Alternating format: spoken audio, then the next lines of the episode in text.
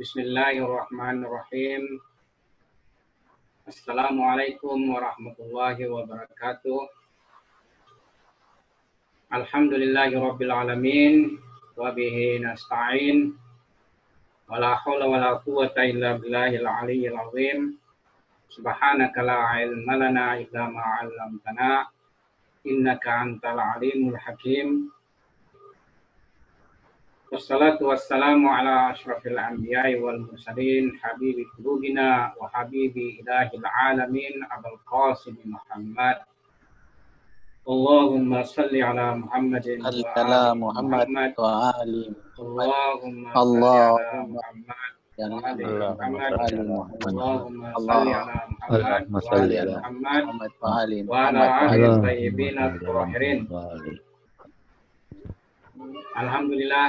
Pada malam Jumat ini dan merupakan awal bulan Ramadan dalam perspektif pemerintah Indonesia. Kita melanjutkan rangkaian kajian kita kitab Khususul Hikam yang kita bahas bahagian pertama dari beberapa khusus khusus itu jamak dari kata fasun. Yang kita bahas adalah fasun hikmatin fasu hikmatin ilahiyah fi kalimatin adamiyah. Tentang hikmah ilahiyah di dalam kalimat adamiyah. Kalau kita telusuri pembahasan kita, dari awal pembahasan sampai sekarang bahagian daripada khusus ini membicarakan tentang persoalan ilahiyah dan hubungannya dengan penciptaan serta hubungannya dengan manusia dalam pertemuan sebelumnya kita sudah menyinggung tentang hasrat Adam dengan keutamaannya serta eh, protes daripada malaikat tentang keberadaannya sebagai hamba Allah Subhanahu wa taala. Kitab khusus ini pada hakikatnya dia termasuk kitab irfan teoritis tetapi juga memiliki sisi-sisi irfan praktis. Namun pada pendekatan yang kita bahas dalam permasalahan ini adalah sangat berkaitan dengan irfan teoritis dan bersentuhan dengan berbagai persoalan filsafat. Karena itu di dalam mendaras khusus hikam dibutuhkan juga pengetahuan filsafat Islam. Sebagaimana kebiasaannya kita membaca teks terlebih dahulu baru kita membahas kandungan daripada teks tersebut. Wa inda Adam minal asma'il ilahiyah. Malam takun al malaika alaiha. Fama sabbahat rabbaha biha. Wala kaddasatu anha takdisu adam wa tasbihu jadi di sisi Adam terdapat nama-nama ilahiyah yang mana malaikat tidak memiliki nama-nama tersebut.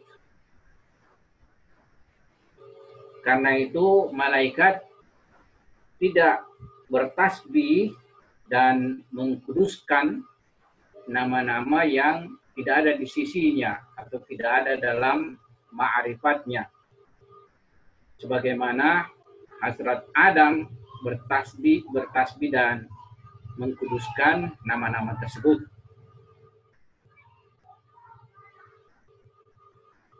Salah satu keutamaan daripada insan kamil,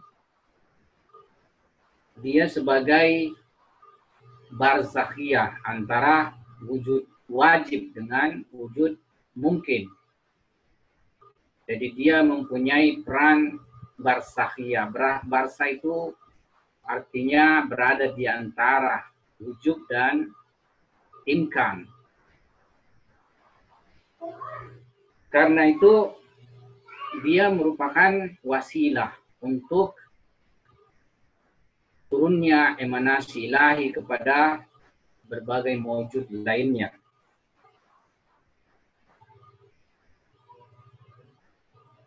Makanya insan kamil itu mempunyai aspek ilahiyah juga mempunyai aspek khalqiyah.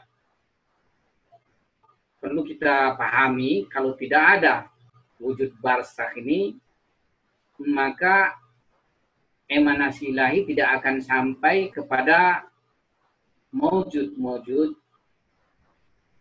di bawah daripada keberadaan wujud barsakhiyah ini. Karena antara wujud wajib dengan wujud mungkin itu tidak mempunyai, mempunyai ketersambungan. Oleh sebab itu, mesti ada wujud yang mempunyai peran wujud keperantaraan antara wujud wajib dengan wujud mungkin. Dan yang mempunyai kedudukan itu adalah insan kamil. Oleh karena itu, insan kami mempunyai satu sisi sebagai sisi ilahiyah dan di sisi lain mempunyai dimensi khalqiyah. Bisa kita artikan batin daripada insan kamil itu adalah sisi ilahiyahnya, sementara zahir daripada insan kamil adalah sisi khalqiyahnya. Dan karena sisi kedua ini maka dia menerima pais dari Tuhan. Ya jadi dia menerima pais langsung dari Tuhan atau emanasi langsung dari Tuhan. Kemudian emanasi emanasi tersebut diteruskan kepada wujud-wujud yang berada pada tingkatan di bawah daripada keberadaannya. Karena itu dia merupakan kanal kewujudan dari wujud yang paling tinggi tak terbatas kepada wujud-wujud yang menemukan ketaayunan, kedeterminisian. Ya. Sebab wujud mutlak ini, ya, dialah yang memanifestasi, mengemanasi dan mendapatkan bentuk-bentuk kedeterminasian. Nah, jadi kita lihat ada aspek batinnya yang bersifat tidak hadis,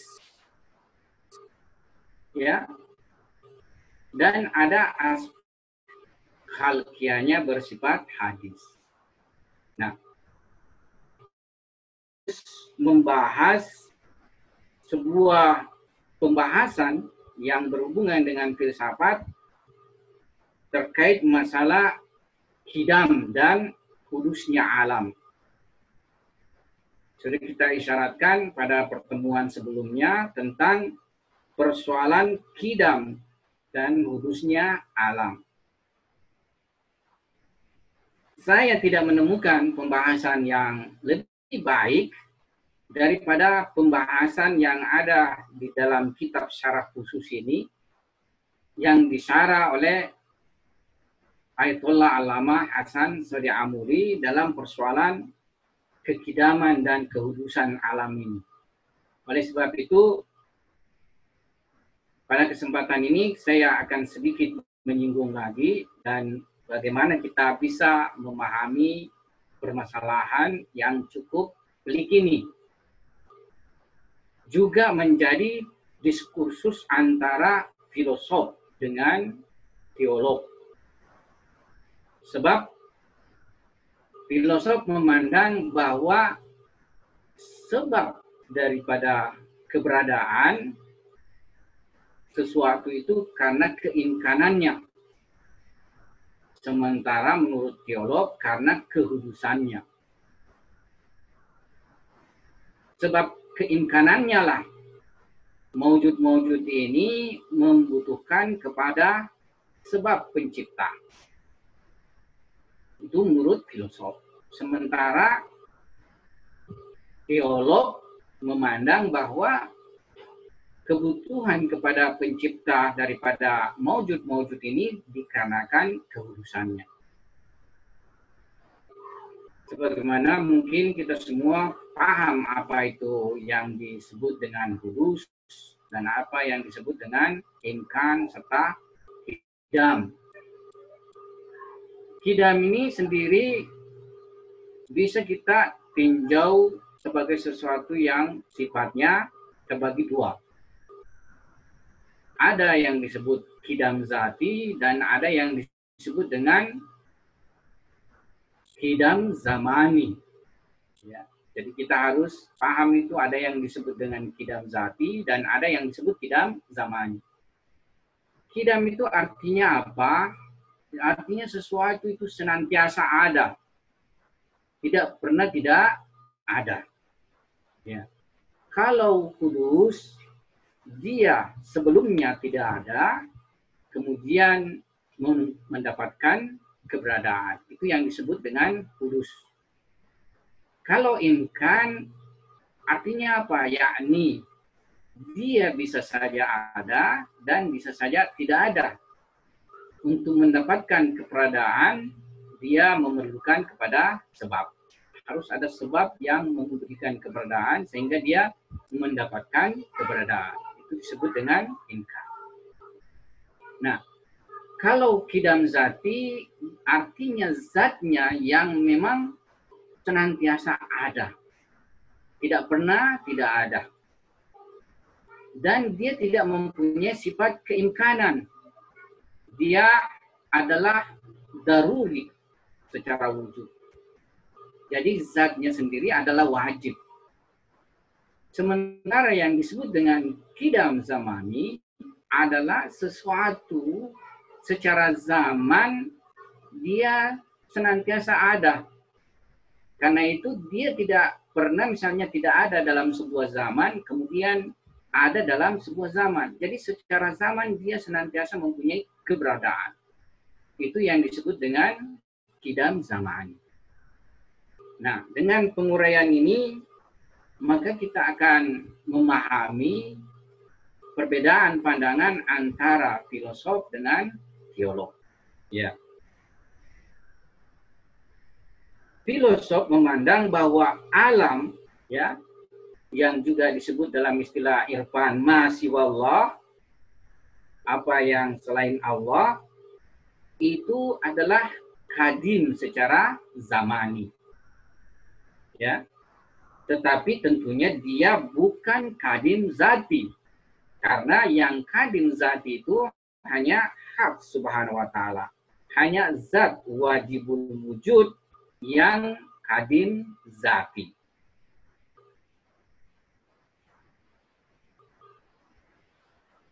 Nah, menurut filosof, hak subhanahu wa ta'ala adalah sebab sempurna istilah istilahnya elat tambah.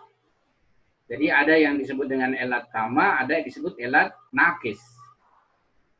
Elat nakis tidak pernah akan dengan sendirinya mewujudkan keberadaan.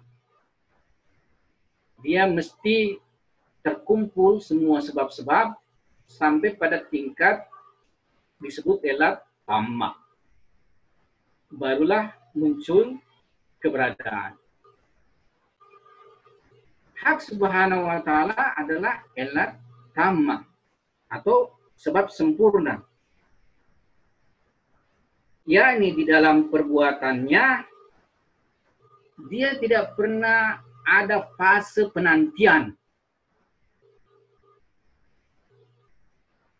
sampai kemudian baru terjelma darinya. Kenapa sesuatu ketika mendapatkan elat tama atau sebagai elat tama, elat sempurna, sebab sempurna, maka keniscayaan akibatnya pun mesti mengada. Hak subhanahu wa ta'ala adalah elat tama. Kenapa? Sebab kalau dia adalah elat nafisa atau sebab kurang, itu tidak sesuai dengan zatnya sebagai wajibul wujud. Karena sebab kurang itu hanya ada pada mungkinul wujud. Salah satu sifatnya daripada wujud mungkin itu dia adalah hanya sebab kurang. Ya. Oleh sebab itu, jika Tuhan bukan sebab sempurna, maka dia bukan Tuhan. Ya.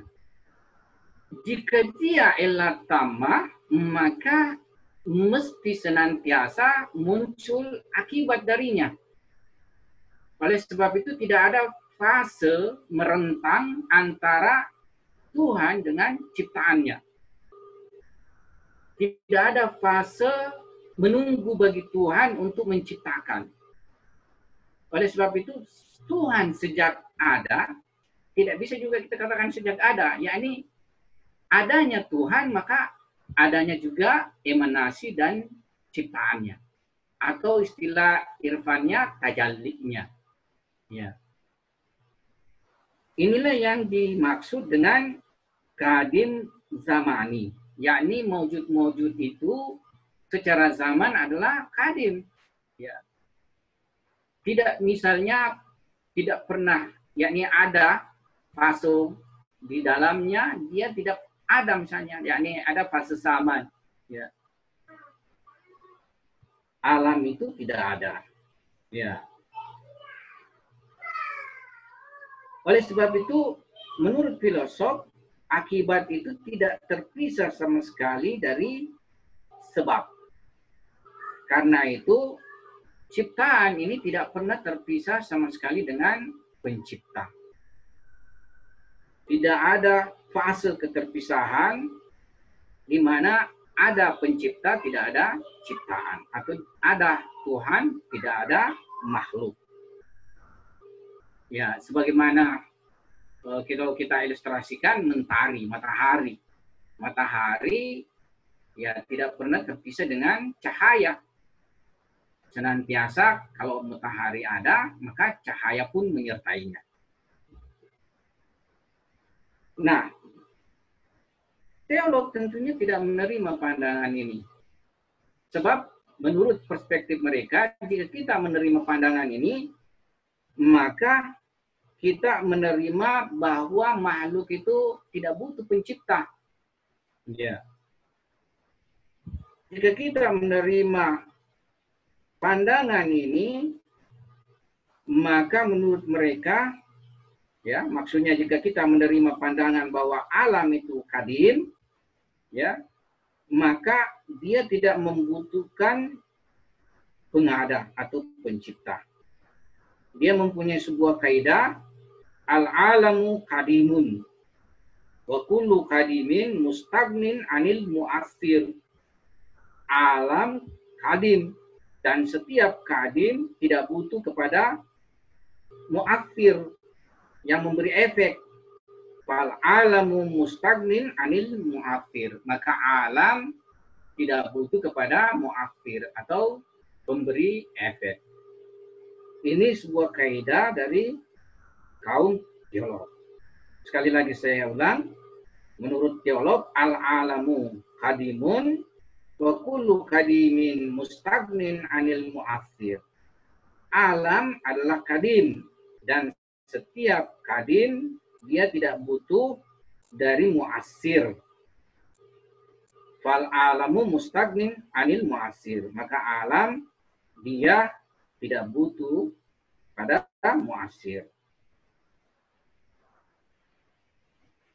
Oleh sebab itu, menurut kaum teolog, sebab ditemukannya alam itu dikarenakan kehudusannya, bukan sifat keimkanannya. Ya. Nah, sementara menurut filosof, sebab kebutuhan alam atau wujud kepada sebab itu karena sifat keimkanannya, bukan kehudusannya. Karena itu alam meskipun dia telah tercipta, dia tetap senantiasa butuh kepada sebabnya. Ya. Menurut filosof bahwa kebutuhan alam kepada sebab itu karena keimkanannya. Tadi sudah kita singgung imkan. Karena itu meskipun alam ini mendapatkan keberadaan, sudah mempunyai penjelmaan, dia tetap butuh kepada sebab. Inilah yang kemudian menurut filosof bahwa alam itu dia butuh ya kepada sebab mujid atau sebab pengada dan sebab mubkiyah atau sebab kelangsungan keberadaannya. Seperti misalnya matahari sebagai ilustrasi saja, cahaya muncul dari matahari, jadi keberadaan cahaya muncul dari matahari, dan kelanggengan atau kelangsungan keberadaan cahaya tetap harus ada matahari yang senantiasa memberikan emanasi kecahayaan. Ini sebagai ilustrasi saja. Demikian kurang lebih bahwa alam juga keberadaannya butuh kepada sebab pengadanya dan keberlangsungan keberadaannya juga senantiasa butuh kepada keberadaan pengadanya. Nah, inilah yang menurut filosof tentang kebutuhan alam dikarenakan sifat keimkanannya. Oleh karena itu, filosof mengatakan bahwa logika ahli teolog tadi atau kias ahli teolog tadi itu middle termnya tidak berulang atau term tengahnya tidak berulang. Kalau kita membangun sebuah logika yang benar harus berulang. Dia punya middle term. Seperti kita contohkan, Aristo adalah manusia. Setiap manusia pasti mati. Aristo pasti mati. Di sini medal teremnya adalah manusia. Nah, di sini yang menurut teolog ya al-alamu kadim wa kullu kadim mustagnin anil muasir. Fal alamu mustagnin anil muasir di sini middle termnya atau term pertengahannya adalah kata kadim. Menurut filosof, kata kadim ini tidak berulang. Sebab di sini adalah terjadi mugalata. Mugalatanya adalah istirahat lafzi. Di mana kadim itu mustarak lafzi antara kadim zati dengan kadim zamani. Jadi di sini terjadi istirahat lafzi. Kadim zati dengan kadim zamani. Kadimnya tidak berulang di sini. Ya. Oleh sebab itu logika teologi itu adalah tidak benar. Ya. Yang per, yang kedua bahwasanya logika daripada kaum teolog itu mengindikasikan hak subhanahu wa ta'ala itu bukan sebab sempurna. Tapi dia adalah sebab nakisah atau sebab kurang. Ya. Kenapa?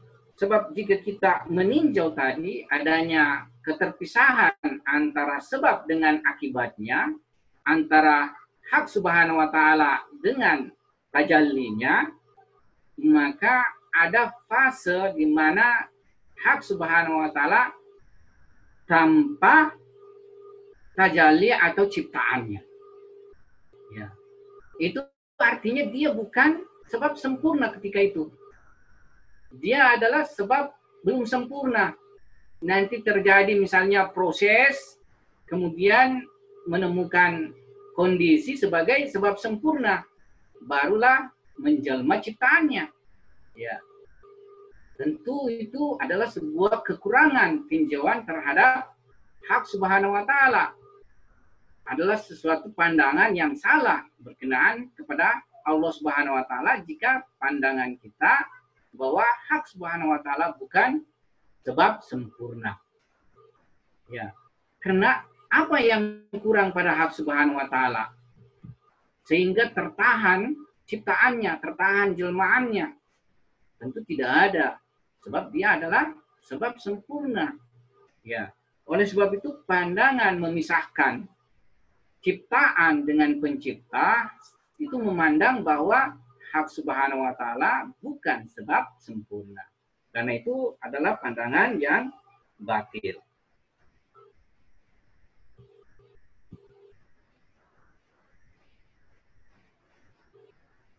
Yang ketiga masalah ini, di sini nih, kaum teolog protes filosof. Jika kita memandang demikian hubungan antara pencipta dengan ciptaan, maka kita membawa bukanlah pelaku muhtar. Pelaku muhtar itu artinya pelaku yang punya pilihan. Dia adalah pelaku mujab. Pelaku yang daruri istilahnya. Pelaku yang harus dia lakukan. Ya. Ini menyalahi wajibul wujud sebagai wujud yang paling sempurna. Ya. Sebab wujud jika dia semakin sempurna maka dia mempunyai ikhtiar lebih ikhtiar lebih tinggi intensitasnya. Ya. Ini sanggahan dari teolog. Filosof menjawab bahwasanya ini tidak menyalahi hak subhanahu wa ta'ala sebagai pelaku muhtar. Ya. Kalau di dalam filsafat itu ada tiga bentuk pandangan uh, sebagai pelaku atau bisa juga disebut dengan sebab efisien. Ya, sebab efisien atau sebab pelaku di dalam peripatetik disebut dengan pelaku bil inayah atau sebab bil inayah. Kalau di dalam filsafat ilmu nasib disebut dengan sebab bil ridha. Dan di dalam hikmah muta'aliyah disebut dengan sebab bitajalli. Ini ada tiga bentuk pemikiran tentang kepelakuan daripada subjek terhadap objek. Tapi semua berhubungan tentang pemberian wujud. Ya, pemberian wujud. Nah, tentu kalau di dalam irfan berhubungan dengan masalah tajalli. Ya, lebih lebih uh, sama dan serupa dengan fil tajalli di dalam hikmah muta'aliyah. Filsafat hikmah muta'aliyah. Nah, kembali lagi. Jadi menurut filosof ya.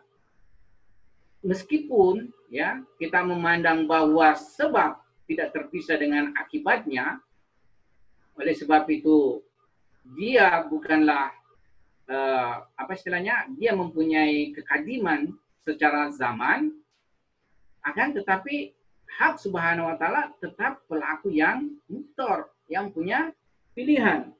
Ya. Jadi teolog me, apa istilahnya e, memandang bahwa bentuk pandangan filosof itu seperti misalnya api di mana dia tidak bisa dipisahkan dengan membakarnya ataukah memberi panas ya. Artinya dia sesuatu yang bersifat daruri ya mujab ya. Sementara menurut mereka ya sesuatu itu bisa dikatakan sebagai pelaku muhtor, yakni apa? Insya'a fa'ala. Wa illam yasha' lam yaf'al. Apa artinya? Bahwasanya pelaku muhtor itu jika dia berkehendak, dia lakukan. Dan jika dia tidak berkehendak, dia tidak lakukan. Itu sifat daripada pelaku muhtar, pelaku yang punya pilihan. Ya. Insya'a falah. Jika dia berkehendak, dia lakukan. Wa illam yasha lam yafal. Jika dia tidak berkehendak, dia tidak lakukan. Jawaban filosof bahwasanya Tuhan dalam persoalan ini tetap mempunyai pilihan dan muhtar. Tetapi Tuhan sya'af wa fa'ala. Dia menginginkan dan melakukan. Ya. Ya ini apa? Karena kesempurnaan saatnya seluruh palan dia ketahui sempurna. Dan dia mengetahui bahwa dia akan jadi dia insya Allah Jadi dia berkehendak dan lakukan. Sebahan pada hakikatnya pelaku mujab juga itu ya adalah sesuatu yang sifatnya harus ada lebih tinggi ya yang mesti memujabkannya yang mesti mengharuskannya dia melakukan itu ya. sementara wujud hak subhanahu wa ta'ala adalah wujud yang paling tinggi tidak ada lagi di atas daripada wujud hak subhanahu wa ta'ala sehingga tidak ada lagi persepsi tentang adanya sesuatu yang akan mujab mewajibkannya untuk melakukannya. Strasi kita ya. Kita bisa memahami bahwa hak subhanahu wa ta'ala pasti melakukan yang paling baik, yang terbaik. Yakni hak subhanahu wa ta'ala pasti tidak melakukan keburukan. Apakah dengan konsepsi kita ini memaksakan Tuhan untuk melakukan kebaikan? Ataukah adakah yang memaksa Tuhan untuk melakukan kebaikan? Tidak ada. Yani insya Allah. Karena dia melak menginginkan, maka semua yang dia lakukan adalah kebaikan. Demikian pula hubungannya dengan masalah penciptaan. Jadi karena dia menginginkan, maka dia lakukan. Dan keinginannya itu senantiasa dan tidak terikat oleh suatu zaman tertentu. Ya, itu jawaban filosof terhadap teolog. Nah, jika kita meninjau tentang kelemahan pandangan teolog dibanding dengan sanggahannya terhadap filosof, maka tentu filosof punya pandangan lebih betul dan daripada pandangan teolog. Ya. Sera, apa, serangkaian dengan pembahasan kita ini adalah pembahasan masalah hubungan hadis dengan kadim. Ya. Sekali lagi kita jelaskan tadi bahwa hadis itu adalah sesuatu yang tadinya tidak ada, kemudian mendapatkan keberadaan. Sementara kadim itu tidak pernah tidak ada. Ya. Kadim ada secara kadim sapi dan ada kadim secara zamani. Artinya secara zaman tidak pernah tidak ada, senantiasa ada. Nah, satu permasalahan yang agak rumit juga di dalam filsafat, yakni bagaimana hubungan antara kadim dengan hadis. Atau yang senantiasa ada, kemudian berikutnya baru menemukan keberadaan. Ini adalah sebuah persoalan yang juga sangat uh, apa istilahnya mempunyai kerumitan di dalam filsafat. Nah, falsafah sadra yang merupakan puncak daripada filsafat Islam hari ini itu memberikan solusi yang paling baik di antara pemikiran-pemikiran lainnya. Bagaimana gambaran hubungan antara hadis dengan kadim dengan pendekatan gradasi eksistensi atau adanya keberad adanya tingkatan-tingkatan eksistensi. Di dalam falsafah sadra dikatakan bahwa wujud itu hakikatnya adalah tunggal. Yakni wujud ini secara keseluruhan keseluruhan wujud ini hakikatnya adalah tunggal. Tetapi di dalam ketunggalan wujud ini terdapat tingkatan-tingkatan kewujudan. Dari pembahasan ini juga kita bisa memahami hubungan antara ketunggalan dan kejamakan di dalam eksistensi. Ya. Sebab sebagaimana kita lihat bahwa kejamakan itu adalah sesuatu yang real di hadapan kita. Nah, bagaimana hubungan antara ketunggalan dengan kejamakan, yakni hakikat wujud yang tunggal ini dengan kejamakan yang ada. Dalam falsafah sadra dikatakan bahwa kejamakan juga itu ada pada wujud, hakikat wujud, ya. Ketunggalannya ada pada hakikat wujud, kejamakannya juga ada pada hakikat wujud. Dengan tadi tinjauan bahwa wujud itu mempunyai tingkatan-tingkatan. Nah, kalau kita lihat tingkatan-tingkatan wujud menurut perspektif sadra adalah dari wajibul wujud, kemudian mengemanasi, terciptalah wujud akal, dari wujud akal terciptalah wujud misal, dan kemudian terciptalah wujud materi. Rangkaian piramida eksistensi ini menghubungkan satu dengan yang lainnya dengan mabda pencipta. Ya. Nah, di alam materi ini setiap unsur mendapatkan bentuk-bentuk. Setiap unsur mendapatkan bentuk-bentuk. Di mana bentuk-bentuk tersebut mengalami senantiasa perubahan. Ya. Kita misalnya bisa lihat hari ini sperma dia besoknya mendapatkan bentuk sebagai janin. Hari ini kita lihat biji mangga dia, esoknya dia mendapatkan bentuk sebagai pohon. Nah, di sini juga harus kita pahami ada istilah zinhiyat, keidentikan antara akibat dengan sebab.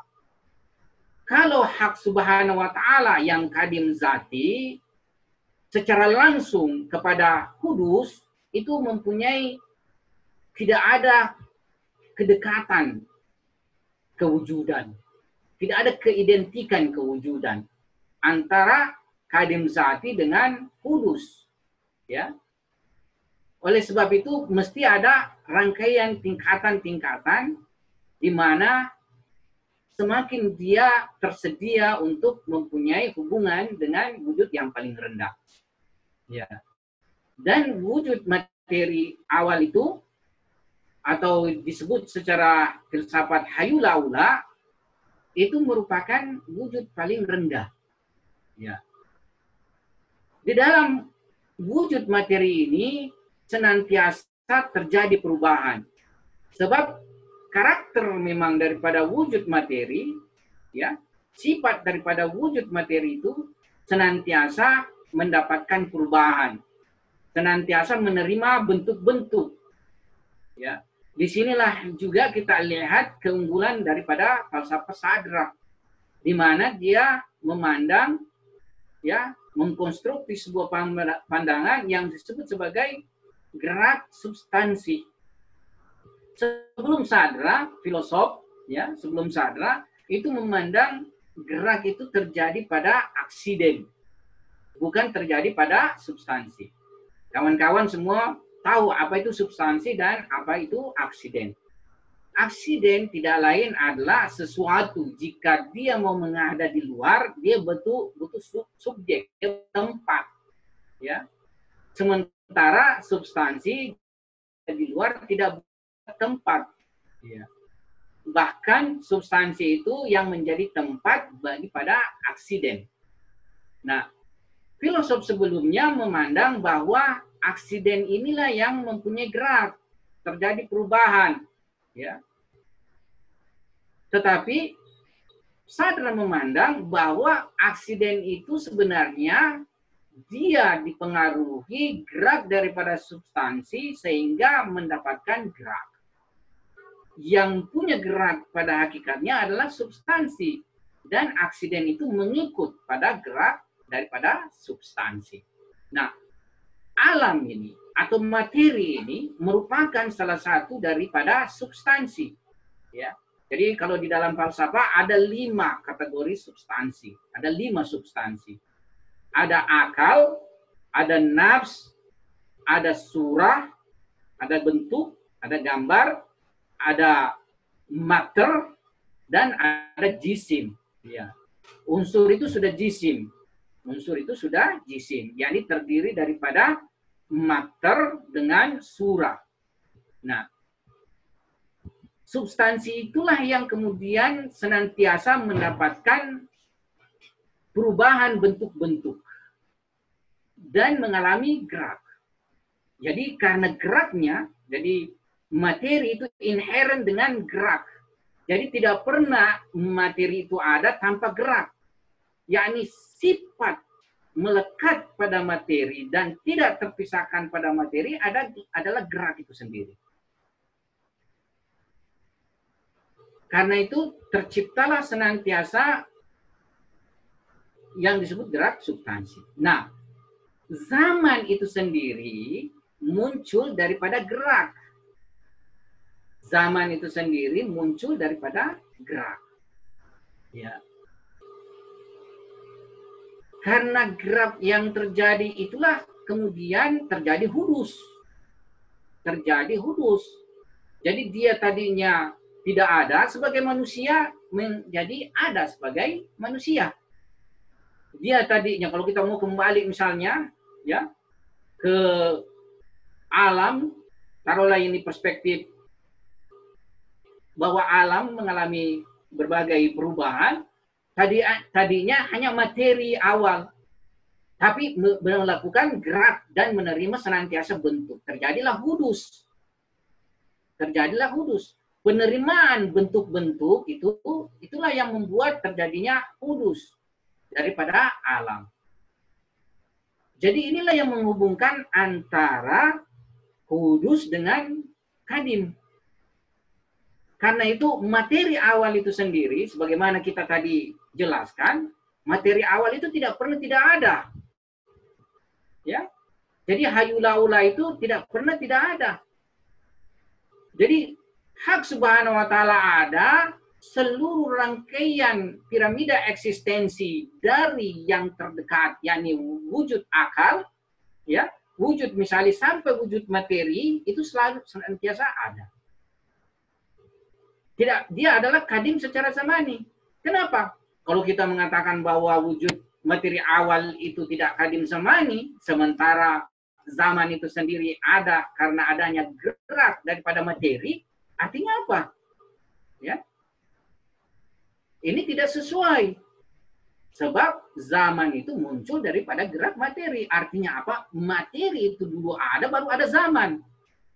Bukan zaman dulu, baru ada materi materi dulu yang ada baru ada sama ya oleh sebab itu kehudusan alam dalam artian ketika alam senantiasa mengalami perubahan dan menerima bentuk-bentuk sehingga tadinya dia tidak ada dalam bentuk tersebut kemudian menemukan bentuk keberadaan bumi kita ini adalah hudus ya bumi kita ini adalah hudus tadinya tidak ada bumi kemudian terjadi gerak substansi, terjadi gerak, kemudian penerimaan bentuk-bentuk, kemudian menjelmalah bumi.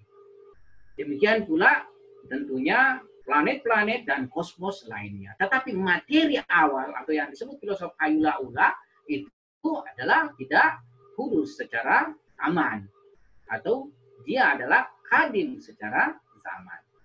Nah inilah pembahasan berhubungan dengan kadim dan gugus. Ya. Hal yang kita bahas pada kesempatan ini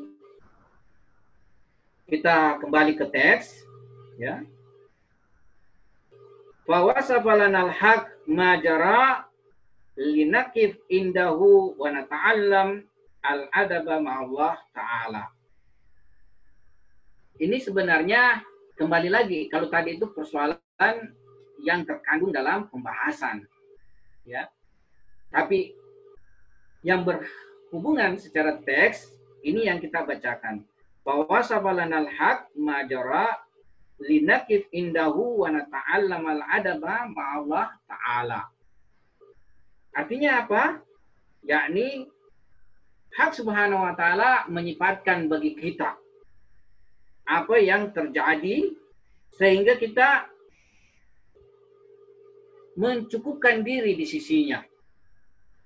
Dan kita mendapatkan pengajaran adab bersama Allah Ta'ala. Ini sebenarnya berhubungan dengan persoalan malaikat tadi dengan Allah dan penciptaan manusia sebagai khalifah. Di mana malaikat? Karena dia mempunyai keterbatasan nama-nama hak yang bertajali pada zatnya, maka dia tidak melampaui pengetahuannya dengan apa yang ada pada dirinya. Sehingga dia tidak memahami nama-nama yang ada pada Hazrat Adam alaihissalam. Perlu kita pahami bahwasanya nama dalam konsepsi ini yang juga nanti akan kita bahas selanjutnya yakni zat dengan sifat. Jadi kalau kita subhanahu wa itu zat dengan sifat. Artinya mempunyai entitas eksternal, entitas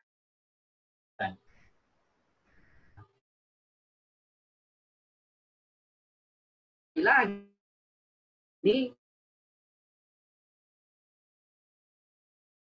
ya subhanahu wa ta'ala. Karena itu kita harus mempunyai pengetahuan bagaimana adab di hadapan hak subhanahu wa ta'ala. Jadi apa? Kita cukupkan dengan ma'rifat kita. Apa yang Tuhan sampaikan kepada kita, kita cukupkan bahwa kita jangan melebihi daripada apa yang Tuhan ajarkan pada kita. Tuhan manifestasi Tuhan pada diri kita. Sehingga tidak terjadi protes pada Allah Subhanahu wa taala. Tidak jadi kalau bahasa syariat kita kekufuran. Pada hakikatnya malaikat itu tidak kufur, dia mengungkapkan sesuatu yang eh, apa istilahnya bersifat pengetahuan. Tapi kalau eh, iblis itu kufur. Karena apa? Karena dia melanggar perintah. Ya dia melanggar perintah. Wa id qala rabbuka lil malaikati isjudu li adama fasajadu illa iblis. Ketika Tuhanmu berkata pada malaikat sujudlah kalian pada Adam maka sujudlah mereka semua kecuali iblis jadi ada perintah untuk melakukan perbuatan nah tak kala ada perintah Tuhan kita tidak lakukan ya di situlah bisa dikategorikan kekufuran. Ya, kekufuran. Nah, kita ini sebenarnya boleh jadi banyak sekali kufurnya. Ya. Karena banyak sekali perintah Tuhan kita tidak jalankan. Kita langgar. Ya, boleh jadi seperti itu. Ya. Sementara untuk memperoleh kesempurnaan harus mukmin harus mukmin, harus iman. Ya. Kalau kita mau memasuki kalau kita mau memperoleh kesempurnaan, kita harus masuk pada wilayah ilahi. Harus kita mukmin. Hanya orang mukmin yang memasuki wilayah ilahi itulah yang akan melakukan pergerakan kesempurnaan. Sebaliknya, jika kufur keluar dari wilayah ilahi itu tidak akan mendapatkan kesempurnaan.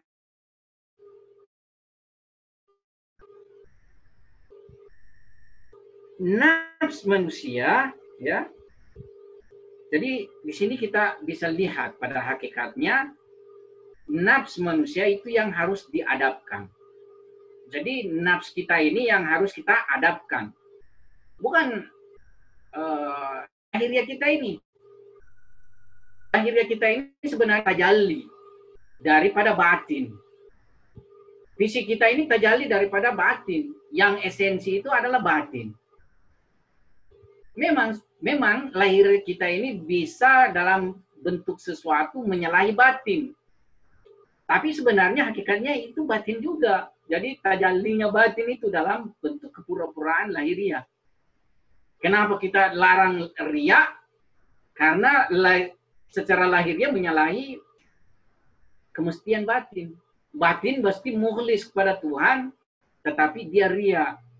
Jadi pandangan kita secara lahir nampak bagus, tapi batinnya adalah tidak bagus. Dan itu menyalahi perjalanan kesempurnaan. Ya. Nah, jadi kita ini harus menghadapkan nafs kita. Sebab dialah nafs kita ini yang harus kita hadapkan. Jika nafs kita ini sibuk, ya hanya sibuk dengan makan, makan dan minum, ya, dia masih berada pada tingkatan disebut dengan tingkatan bahimia. Bahimia itu adalah hewan berkaki empat yang mana sifatnya makan, minum, dan biologis. Jadi kalau ada manusia jiwanya pikirannya hanya minum biologis, maka kedudukannya setingkat dengan bahimia. Kalau ditambahkan lagi, selain itu, dia juga menyakiti orang lain, ya, jadi tidak cukupkan diri dengan hanya itu saja, dia menyakiti juga orang lain, Nah, dia masuk pada kedudukan sabuiyah. Hewan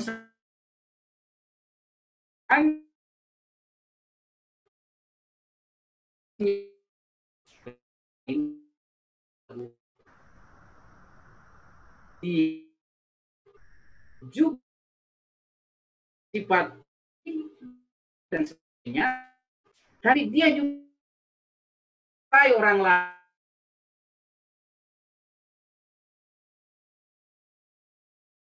setan. Sebenarnya ya kita bisa jadi yang setan ya bisa kumpul sifat-sifat itu.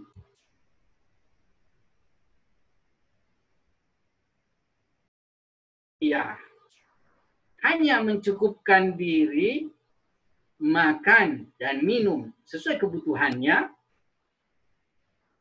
lantas dia tidak menganiaya orang, ya, itu dia masuk kategori malakiyah. Kalau dia ditambah lagi dengan itu, melakukan perjalanan, meningkatkan dirinya, beribadah pada hak subhanahu wa ta'ala, berbuat baik sesama manusia, dan berbagai lagi amal soleh, maka dia baru insan, baru manusia. Nah, mari kita koreksi diri kita, mana kita di sini? Masihkah di Bahimia? Masihkah di Sabuia? Ada di Setania? Ada di Malakia? Ataukah sudah insan? Ya, kita yang bisa paham kondisi jiwa kita. Karena semua itu adalah huduri adalah huduri, yakni hadir pada diri.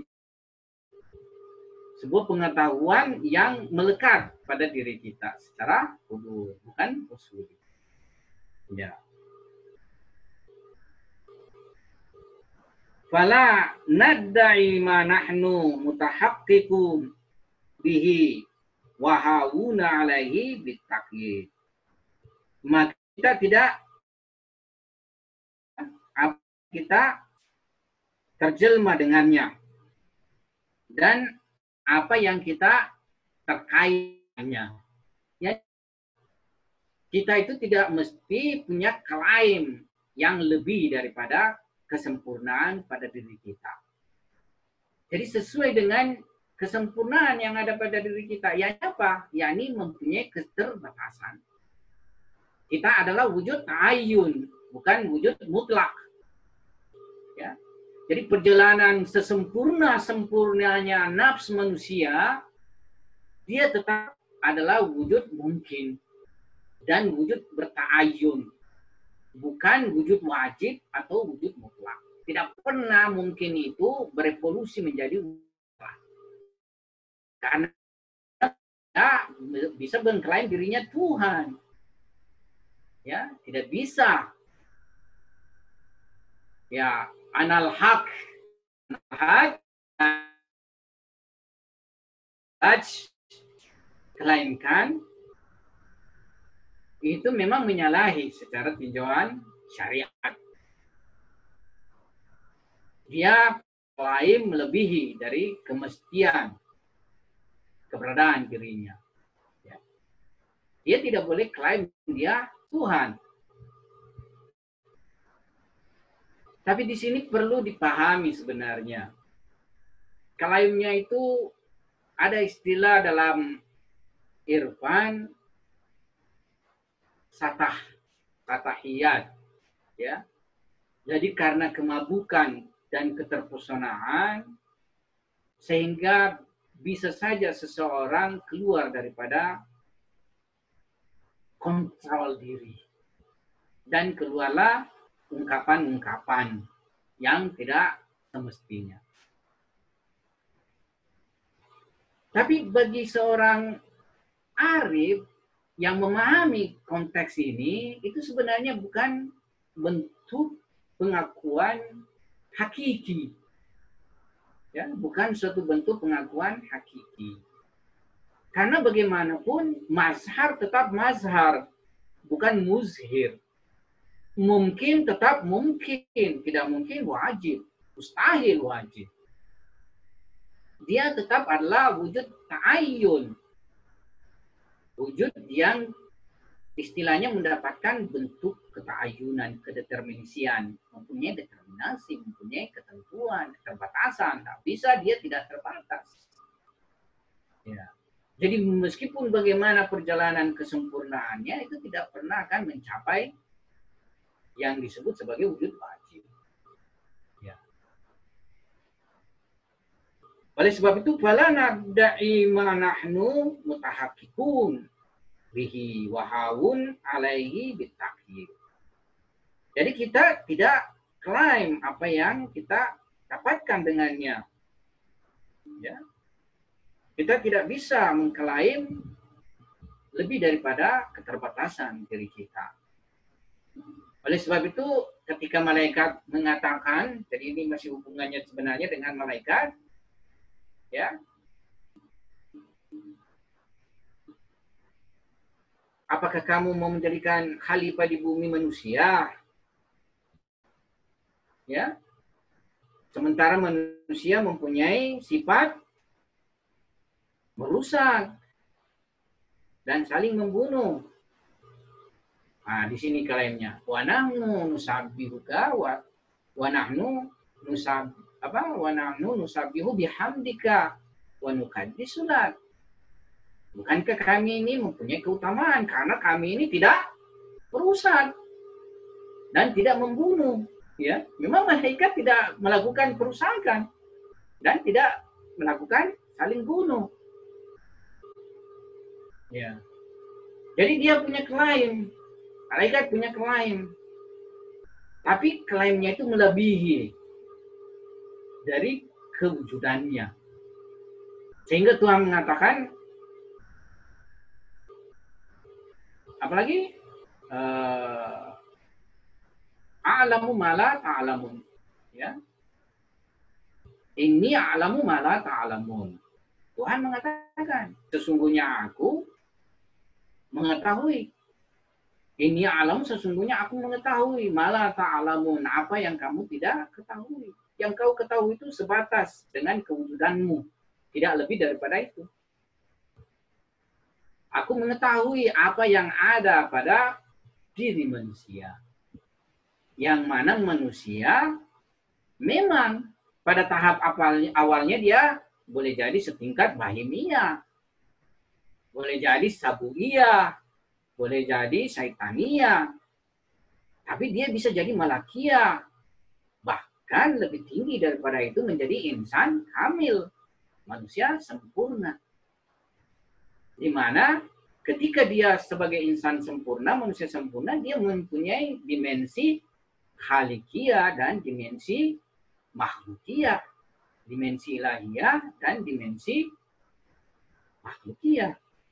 Ya. Yakni apa? Dia melebihi daripada kewujudan malaikat. Ya.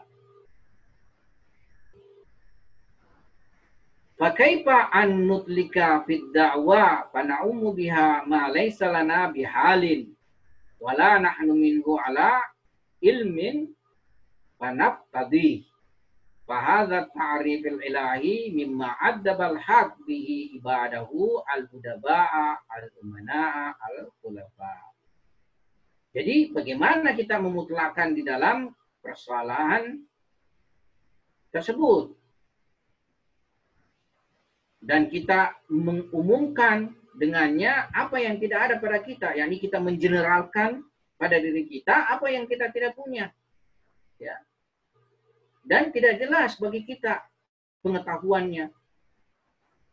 Nah, ini adalah penjelasan Tuhan yang mana dia mengadapkan hambanya. Ya.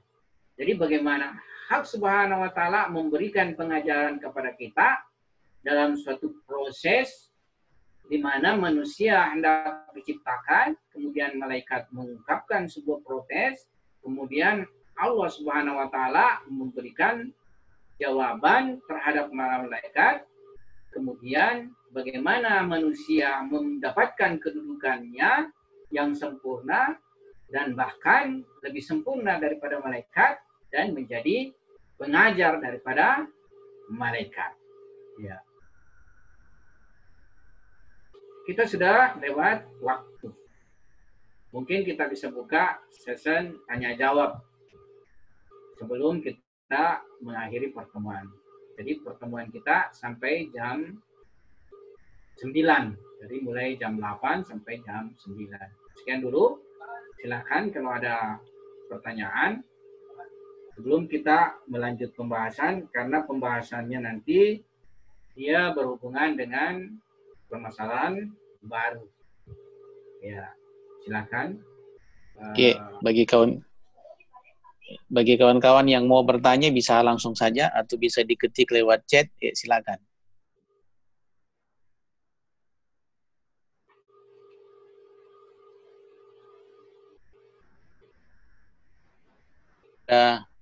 Kepada saudara oger-oger ya. Silakan, silakan.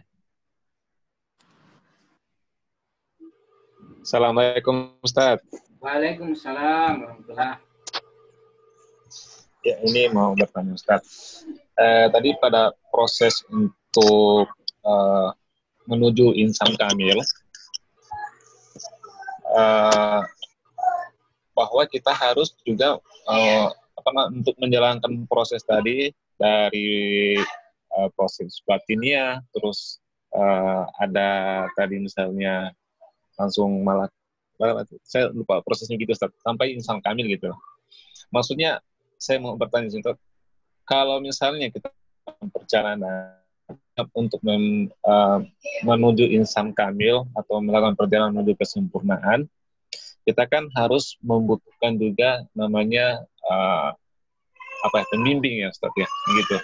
Apakah dalam bahasa irfannya maksudnya pembimbing itu Ustaz?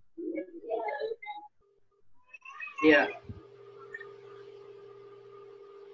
Dalam irfan amali atau irfan praktis atau juga disebut dengan tasawuf. Jadi sebagian kita punya ilmuwan memandang bahwasanya irfan itu dibagi dua, irfan teoritis dan irfan amali dan irfan amali ini adalah tasawuf atau irfan praktis. Nah, di dalam perjalanan syair suluk, di mana seorang pesalik harus melewati berbagai tahapan daripada stasiun-stasiun atau disebut dengan manzil serta makam-makam dia tentunya melakukan penyucian diri tahzib dan tazkiyatun nafs.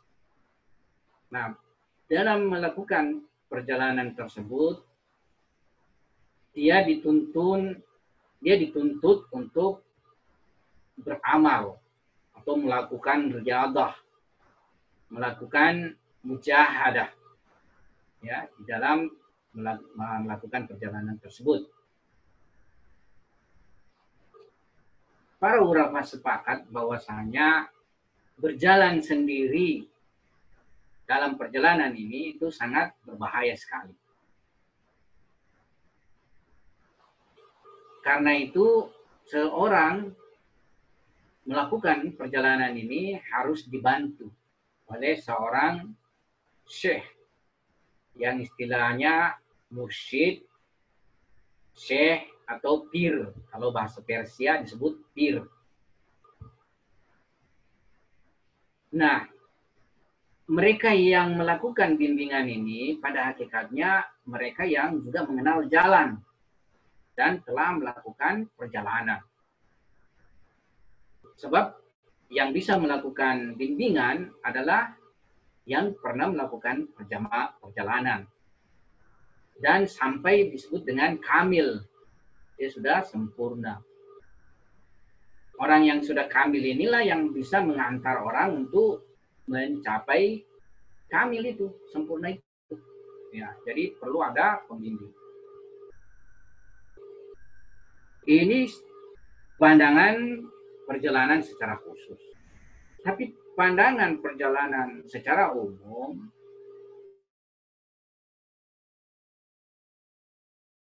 dia dan tahsib tanpa terlebih dahulu ada pembimbing, tapi dengan ilmu. Dengan ilmu. Yani apa? Dia berjalan sesuai dengan ilmu dan amalnya perjalanan awal ini. Ya. Dan tidak ada yang lain selain dia harus menyempurnakan perjalanan syariatnya. Jadi menyempurnakan perjalanan syariat itu tidak butuh pembimbing. Tapi untuk memasuki perjalanan tarekah, apalagi untuk mencapai pada hakikat, itu perlu pembimbing. Itu tadi dengan uh, syekh, mursyid, atau pir. Ini di dalam ir irfan praktis. Jadi kita itu uh, tidak boleh juga berjalan sendiri dan melakukan riada sesuai dengan persangkaan kita. Sesuai dengan gumon, gumon apa persangkaan kita, khayal kita. Ya. ya bisa kita lakukan seperti itu. Sebab bisa saja ada salah tempuh di dalam perjalanan. Ya.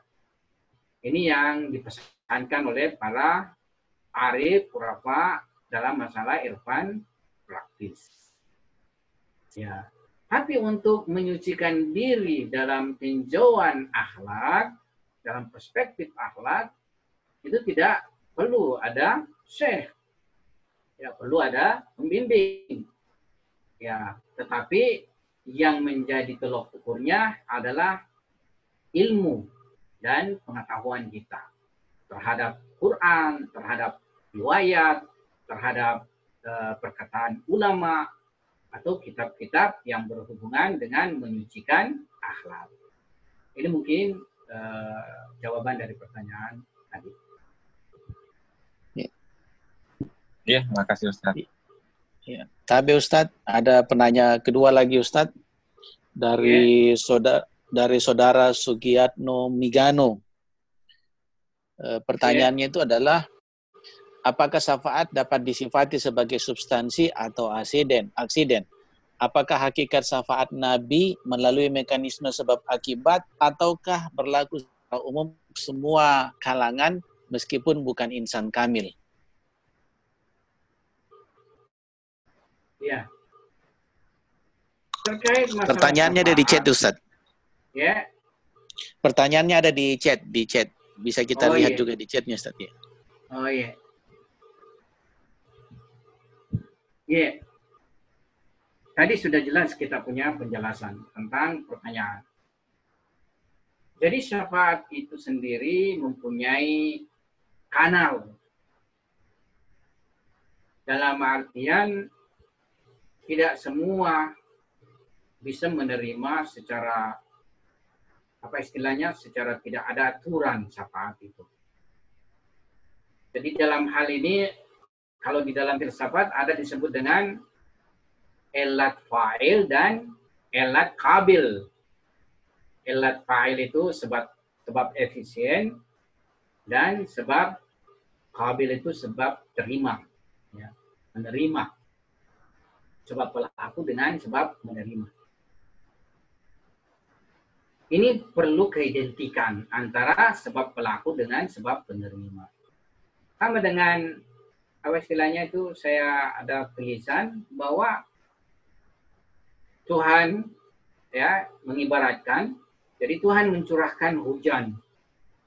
Kemudian hujan ini mengalirlah dia ke lembah-lembah ke sungai-sungai.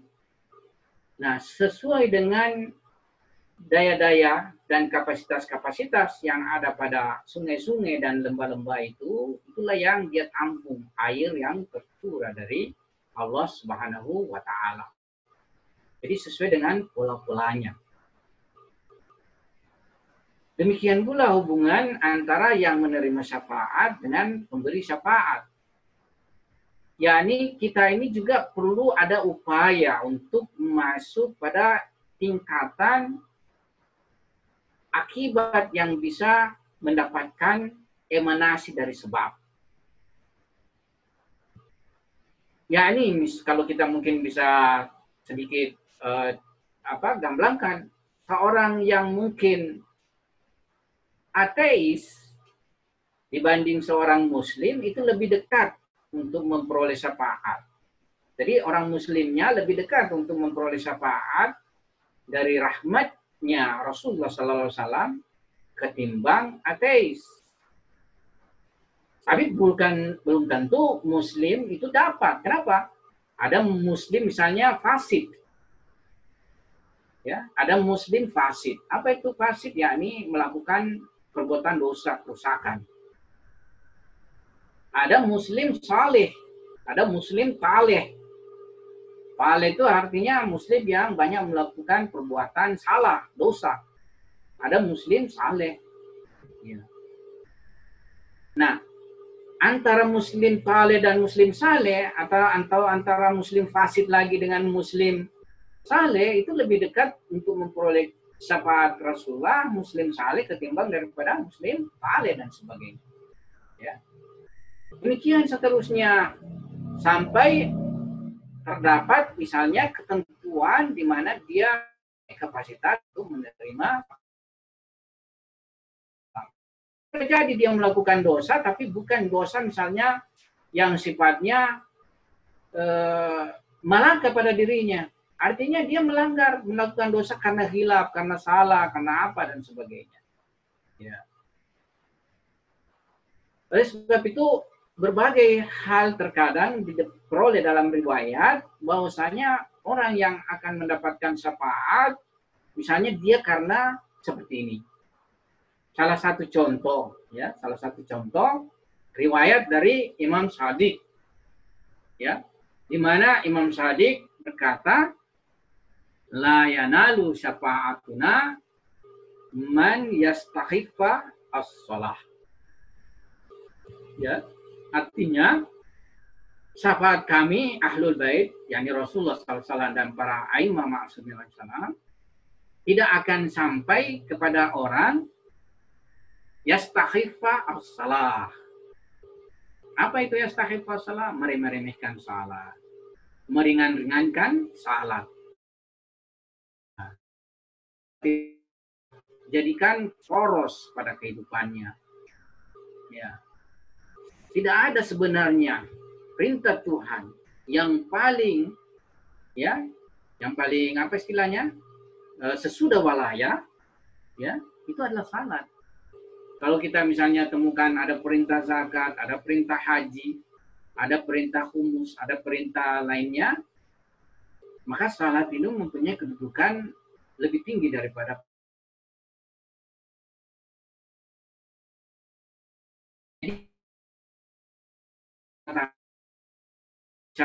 atuna main yastahifa salah. Syafaat kami tidak akan mengena, tidak akan sampai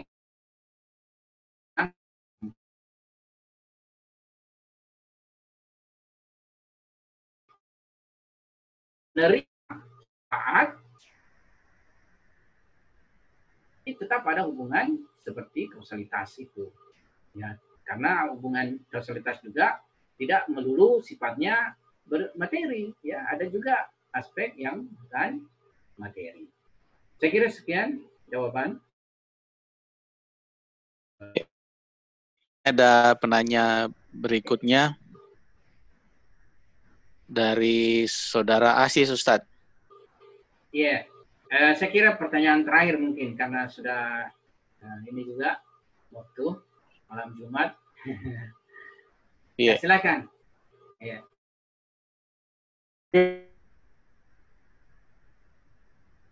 Ya, uh, tapi ini uh, kan kalau terkait saya agak mengikuti pertanyaannya tadi uh, Kak Ugi terkait dengan syafaat. Uh, biasanya, uh, jadi saya cerita pengalaman sedikit di Cirebon.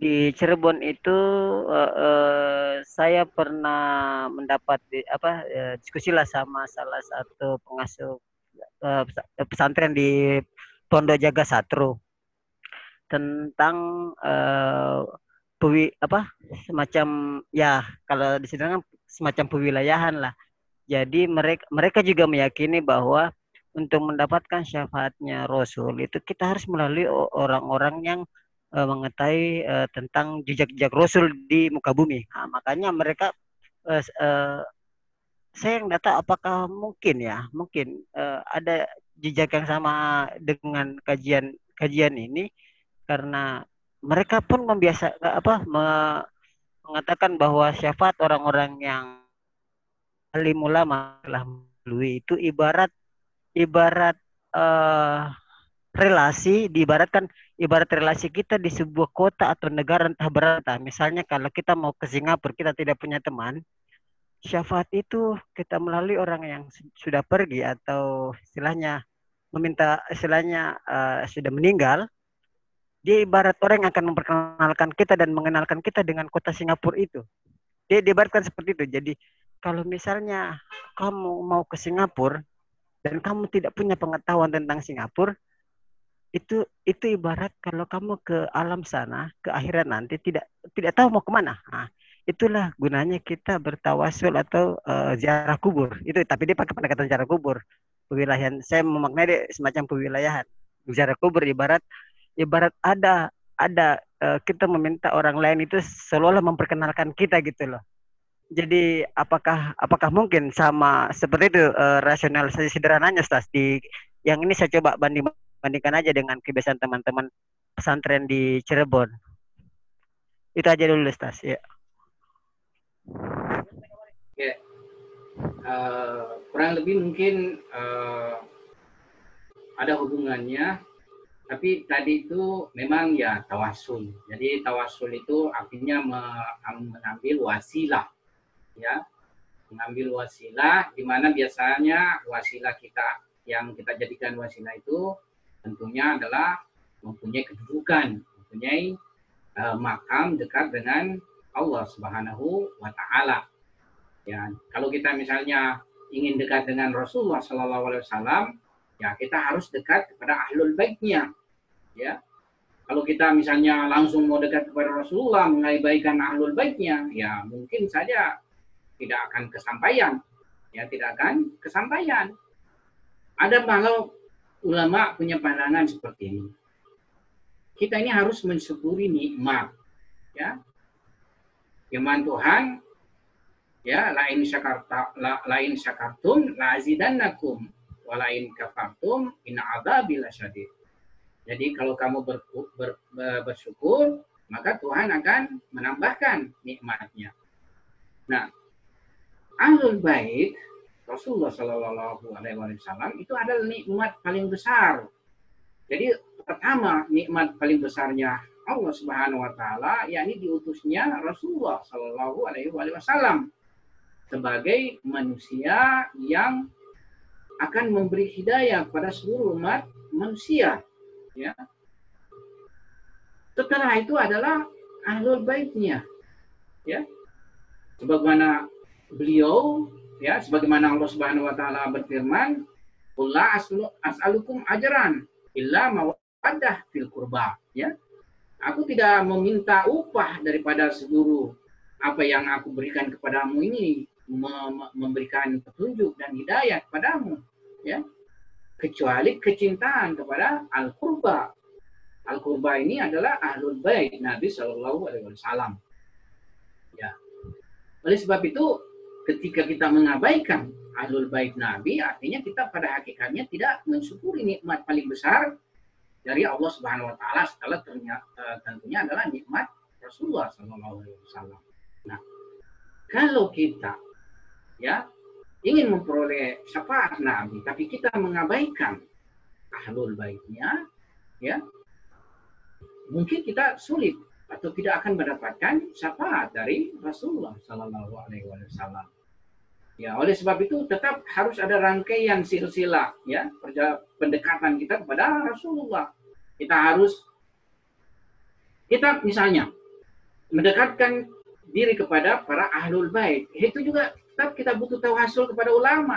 Ulama yang memahami ya ahlul bait, ajaran ahlul bait. Dia yang memberi menjadi perantara menyampaikan ajaran ahlul bait kepada kita. Karena itu kita juga harus dekat pada ulama, tawasul sama ulama, ya. Dari situ dia mengantar kita dekat pada ahlul bait. Dari ahlul bait kita bisa memperoleh kedekatan pada Rasulullah Shallallahu Alaihi Wasallam. Sebagaimana anda jelaskan tadi, harus yang mengetahui misalnya kota tersebut yang kita jadikan tempat wasilah untuk memahami dan disampaikan ke tempat tersebut. Jadi memang ada korelasi hubungannya ya bahwa kita harus melakukan pendekatan sesuai dengan tahapan-tahapan yang istilahnya memang mempunyai kanal-kanal untuk mengantarkan kita sampai kepada eh, yang jadi tujuan tersebut.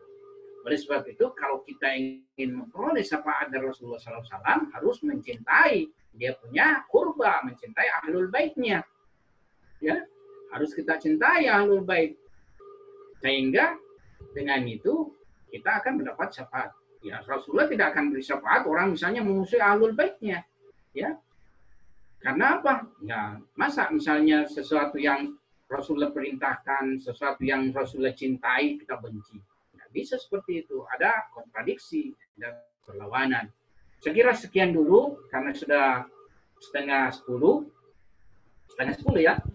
Iya Ustaz, sudah ya, setengah sepuluh Ustaz. Ya, setengah sepuluh. Ya. Kita akhiri dulu uh, ya, ya, pertemuan kita. Mohon maaf atas kekurangan.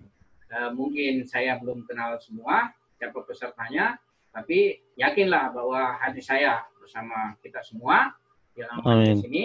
Semoga kita bisa menyambung silaturahim lagi pada pertemuan berikutnya.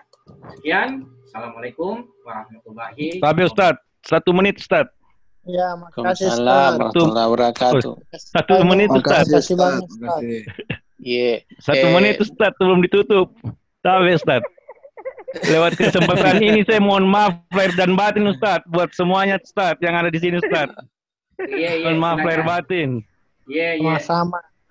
Sama-sama ya. Sama. Iya, Sama-sama. Iya. iya. Eh, Sama-sama. kita di mana kita? Saya di rumah Ustaz. Ya. Di rumah kasih Ustaz. Oh, di rumah Ki. Iya, silakan. Iya Ustaz. Oh, iya. Andi ya? Ya Andi Ustaz. Oh, iya, iya, iya. Iya. Sama Ki. Iya. Iya, Iya. terima kasih banyak Ustaz. Sekian dulu. Iya. Terima kasih Ustaz Ya. Iya. Iya. Sama-sama. Ya, Assalamualaikum warahmatullahi wabarakatuh.